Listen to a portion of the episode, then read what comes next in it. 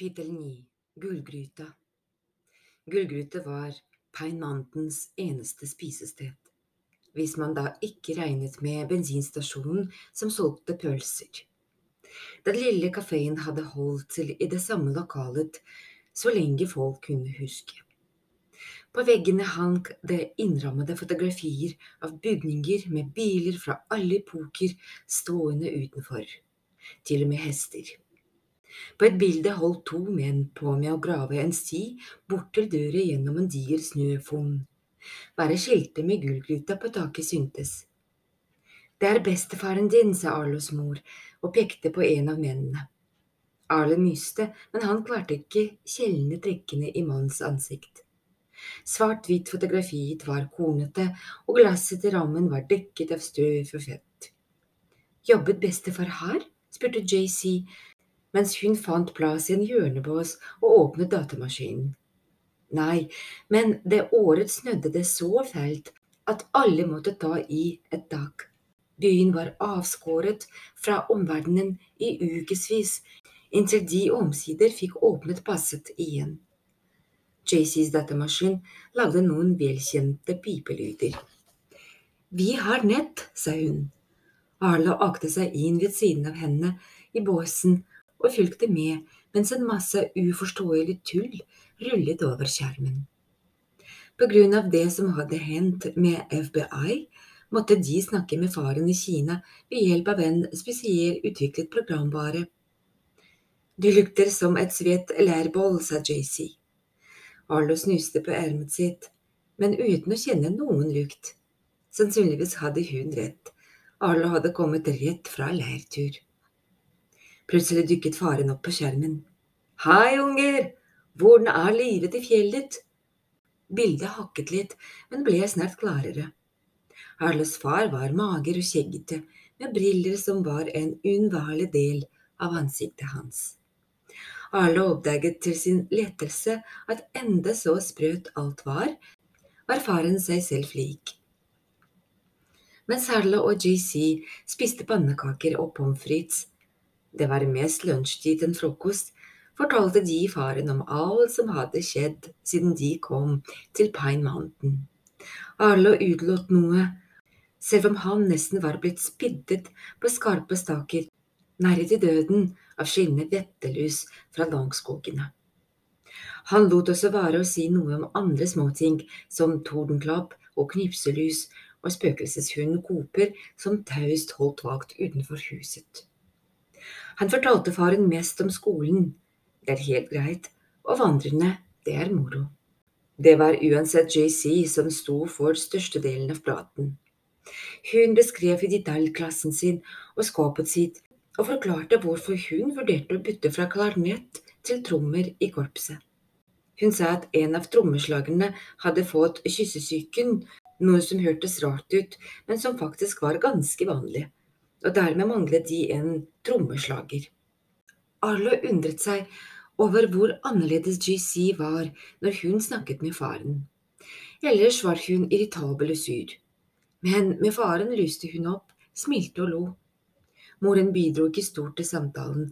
Arlo visste at foreldrene iblant skrev e-post til hverandre og snakket på telefonen, særlig om penger og en advokat i California som prøvde å ordne det så faren kunne komme hjem til USA. Videosamtalene var bare av hensyn til Arlo og JC, så det ikke skulle føles som om faren var så langt borte. Etter en kvarters tid dykket et velkjent varsel opp i hjørnet på skjermen. Der sto det at de mistet proxy-tjeneren, noe som betydde at de hadde under ti sekunder på seg før samtalen ble brutt. De presset seg sammen foran kammeret og sa et kjapt glad i deg og ha det så forsvant forbindelsen. De ble sittende igjen tett inntil hverandre mens de stirret på et stivnet, kornete bilde av faren. JC tok et skjermbilde og la det til i mappen. Mens Arlo spiste opp pannekakene, gikk moren til disken for å betale. JC snakket med lav stemme, noe som aldri var et godt tegn. Jeg skal skaffe meg en jobb. Hvor da? spurte Arlo. Her på kafeen. Det henger et skilt i vinduet. De trenger en servitør på deltid. Du har aldri jobbet som servitør. Harlow klarte ikke å se for seg søsteren bærende på et brett med mat.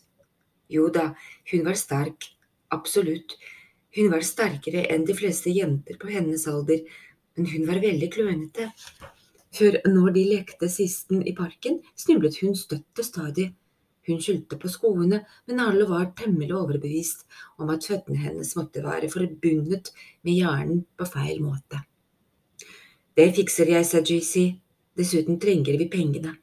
Så hvis det blir snakk om det, må du si til mamma at du ikke trenger meg til å passe deg. Jeg gjør ikke det, utbrøt han. Nettopp. Moren kom tilbake fra disken med et smil Arlo ikke hadde sett på en stund. Godt nytt, sa hun, Moren deres het nettopp blitt ansatt som servitør. Jeg begynner i morgen. Arle lot være å se på søsteren, ikke for at han trengte det. Han kjente det glimte i øynene hennes. Da de kom hjem, satte Arlo i gang en runde med klesvask. Han var nøye med at vannet ikke rant over da trommelen i vaskemaskinen fylte seg opp. Omtrent hver tjuende gang, eller så fortsatte det bare å renne hadde onkel Wade advart ham. Og da blir teppet søkkvått i ukevis. Vannet steg til et par centimeter nedenfor kanten, men så sa det omsider klikk idet ventilen stengte seg av. Alle fulgte med mens trommelen begynte å gå rundt og rundt. De siste tuppene av tøyet sank til slutt under bølgene. Arlos hjerne kjentes akkurat som uniformen så ut, den skvalpet hit og dit, ute av stand til å finne ro. Det var altfor mange spørsmål som kjempet om oppmerksomheten. Hvem hadde konstruert den felle i skogen? Var den egentlig ment for Connor? Hadde noen sendt ut vettelys? I så fall hvem, og hvorfor? Hva hadde det å gjøre med den jente han hadde sett i speilbildet? Kunne han virkelig være Connors forsvunne kusine? og hvorfor hadde hun advart Arlo om at faren var i fare? Hver gang han prøvde å konsentrere seg om ett spørsmål, meldte det seg et nytt.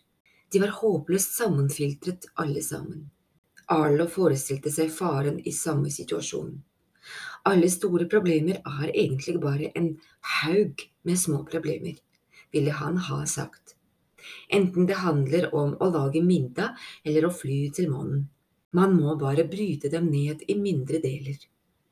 Når faren arbeidet, hadde han bestandig tusjtavle og kartoteket og små notisbøker fulle av lister. Arlo skjønte egentlig ikke hva faren drev med, noe med å kunne avsløre når noen tyvlyttet til en privat samtale. Men han forsto prosessen. Faren tok for seg vanskelige ting og fant måter å gjøre dem mindre og mer håndterlig på. Kanskje Arlo kunne gjøre det samme. Han hadde ikke noen tusjtavle, så han skrev med fingeren i støvet på vinduet. Dette lys, kusine. Så et siste moment. Hvorfor meg?